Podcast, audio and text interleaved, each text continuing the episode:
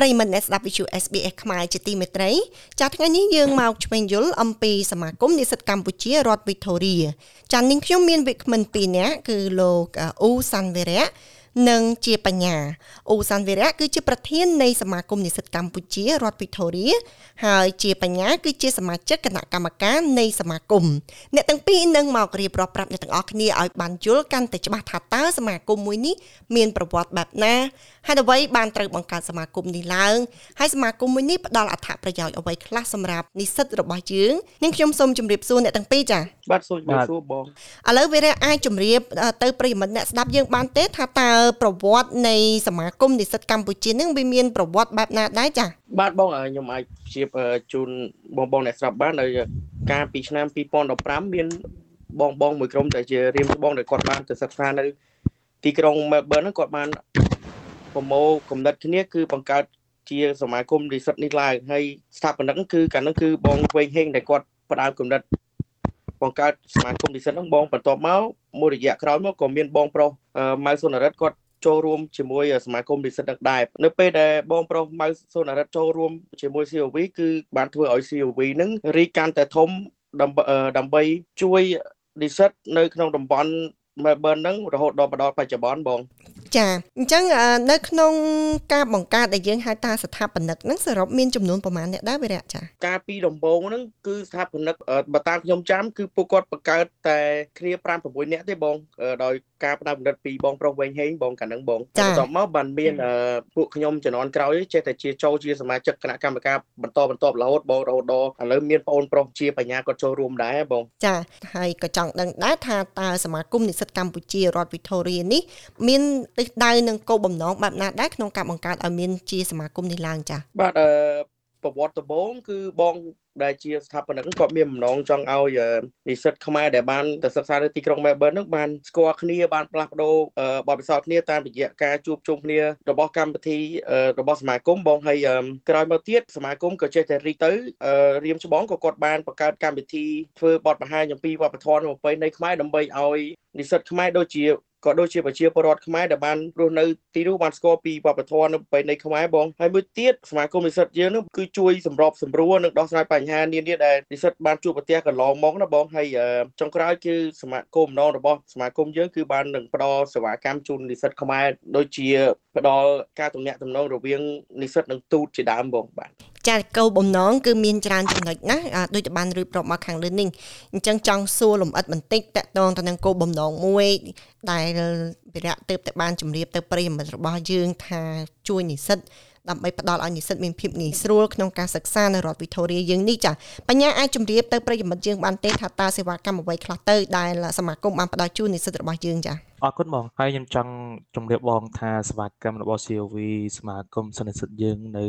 កម្ពុជាយើងនៅប្រចាំនៅវីតូរីយ៉ានេះចែកចេញជា3ធំធំបងអឺទី1នោះគឺយើងធ្វើមានសេវាកម្មជួយសម្បត្តិសម្រួលសិស្សនិស្សិត ជាមួយនឹងស្ថានទូតខ្មែរនៅស្ថានទូតអូស្ត្រាលីយើងហ្នឹងចំពោះករណីដែលគាត់បាត់ប៉ាសពតឧទាហរណ៍ថាបើសិនជាមានសិស្សនិស្សិតណាម្នាក់គាត់បាត់ប៉ាសពតយើងមានសេវាកម្មជួយសម្បត្តិសម្រួលគាត់ហ្នឹងជាមួយនឹងស្ថានទូតតាក់ទងជាមួយស្ថានទូតរាយការណ៍ពីស្ថានទូតថាសិស្សនិស្សិតយើងមានការបាត់ប៉ាសពត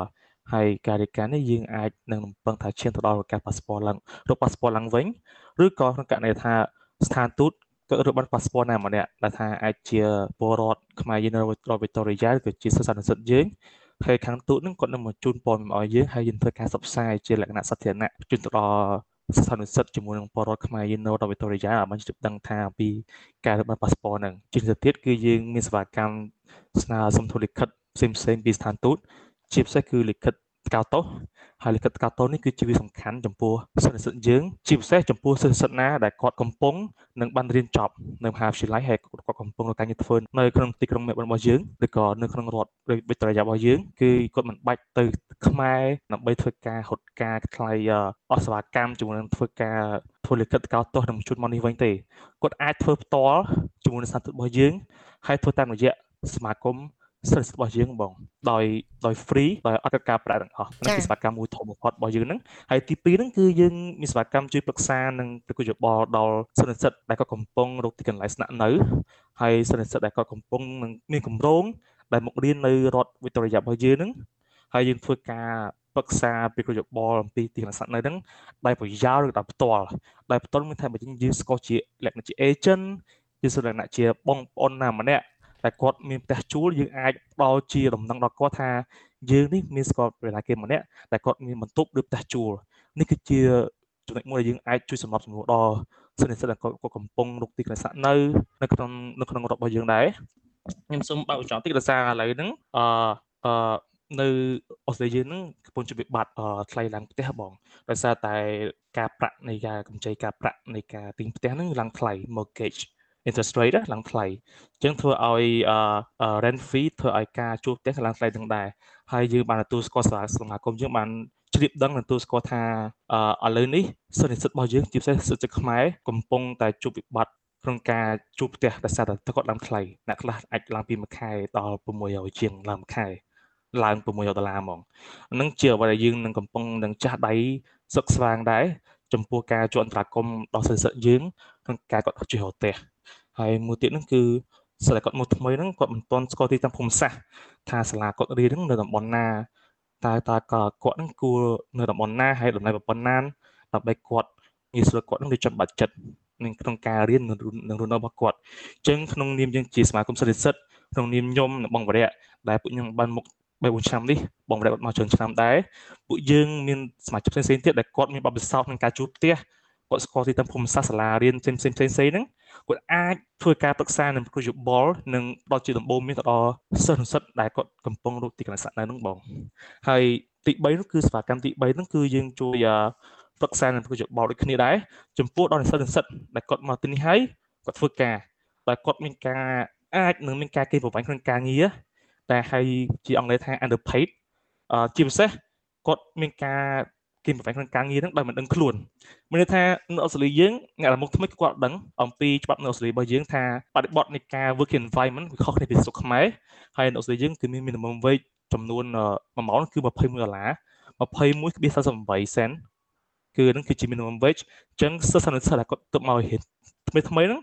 គាត់មិនអាចគាត់គាត់ដឹងគាត់អាចថាគាត់មិនដឹងតែគាត់មិនអាចនឹងមិនទាន់ដឹងអំពីច្បាប់អូស្ត្រាលីយើងហ្នឹងគាត់អាច លងខ្លួនធ្វើការនៅខាងអាស៊ីផ្សេងៗតែគេឲ្យកម្រៃលុយតិចជាង minimum wage នៅខ្លះទៅឲ្យ8ដុល្លារ10ដុល្លារជាងអានេះគឺអ្វីយើងយើងមើលទៅវាអត់តំណងចំពោះសិស្សយើងហើយជាអ្វីយើងខ្វល់មែនតើចំពោះការគិតបំផាញក្នុងការងារហ្នឹងដោយសារនៅអូស្ត្រាលីយើងគឺយើងគ្រប់សិទ្ធិការងារហើយដល់ពេលគាត់ជាសិស្សនិស្សិតគាត់មករៀនផងហើយគាត់ធ្វើការទៅគេអនុភ័យគាត់ផងទៅអានឹងគឺជាវិបត្តិវិបត្តិមួយដែរអានេះគឺជាអ្វីដែលយើងនឹងចង់ផ្ដល់ដល់សិស្សនិស្សិតដែរថាបើសិនជាគាត់ មានចវិបត្តិណាមួយក្នុងការងារគាត់ពិបាកនឹងកិច្ចគាត់ពិបាកនឹងសុំឲ្យឈប់គាត់អាចតាក់ទងយើងផ្ទាល់ហើយធម្មតា underpay work គឺគេមិនគ្រប់សិទ្ធិយើងហ្មងទេអត់មាន health cover ក៏អត់មានការការពារចំពោះករណីគ្រោះថ្នាក់ឧបទ្ទវហេតុផ្សេងៗក្នុងកន្លែងការងារជាដើម អាហ្នឹងគឺជាចំណុចមួយដែរក្នុងសេវាកម្មយើងដែលយើងចង់ដល់ជាព័ត៌មានដល់គាត់ក្នុងករណីដែលគាត់មានការគិតប្រវែងក្នុងការងារចាបញ្ញាចង់សួរទៅបញ្ញាបន្តិចថានៅក្នុងសេវាកម្មទាំងអស់នេះសម្រាប់សិស្សនិស្សិតទូទៅឬក៏ជាសិស្សនិស្សិតដែលគាត់ចូលជាសមាជិករបស់សមាគមនិស្សិតកម្ពុជានេះចា ហើយសំណួរបន្ថែមមួយទៀតដែលចង់សួរទៅបញ្ញាថាតើសម្រាប់តែកូនសិស្សអាហារូបករណ៍ឬក៏កូនសិស្សដែលគាត់មករៀនបង់ថ្លៃខ្លួនឯងអាចទទួលបានសេវាកម្មទាំងអស់នេះដែរចា៎បាទបងចំពោះសេវាកម្មនេះគឺយើងមិនធ្វើការជាការរើសអើងឬក៏ទៅកាន់ category របស់សិស្សណាមួយទេ គឺយើងធ្វើទាំងអស់ចំពោះសិស្សនិស្សិតកម្ពុជាយើង ដែលគាត់មករៀននៅ Victoria បើទោះបីជាគាត់រៀនដោយសមត្ថភាពខ្លួនឯងដោយបង់ប្រាក់ខ្លួនឯង ដែលគាត់រៀនអាសាដោយបានហៅឧបករណ៍ឬដោយរបៀបណាក៏ដោយគឺយើងធ្វើការបំណសេវាកម្មនេះចំពោះគ្រប់សិទ្ធិទាំងអស់ចាល្អមែនតើមួយចំណុចទៀតចង់សួរទៅថាតើលក្ខខណ្ឌអ្វីខ្លះទៅទើបគាត់អាចទទួលបាននៅសេវាកម្មទាំងអស់នេះឧទាហរណ៍ថាគាត់ត្រូវបំពេញ form ឬក៏ត្រូវផ្ដល់ព័ត៌មានរយៈពេលប្រហែលថ្ងៃហើយទំនាក់ទំនងទៅរបៀបមិនដែរចាបញ្ញា